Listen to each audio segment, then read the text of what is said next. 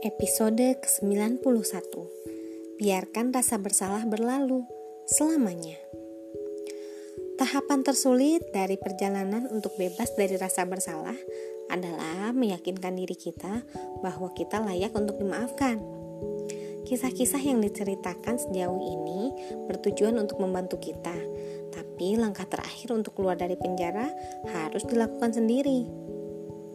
Saat masih bocah, seorang teman saya bermain dengan sahabat karibnya di sebuah dermaga. Bermaksud untuk bergurau, dia mendorong sahabatnya ke dalam air. Sahabatnya tenggelam.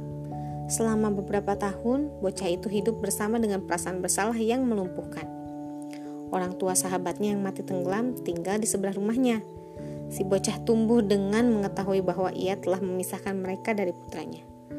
Lalu pada suatu pagi, seperti yang diceritakannya kepada saya, dia menyadari bahwa dia tidak perlu terpenjara lagi oleh rasa bersalahnya. Dia melangkah keluar dari penjaranya sendiri, menyongsong udara hangat kebebasan. Sekian, terima kasih telah mendengarkan. Selamat malam.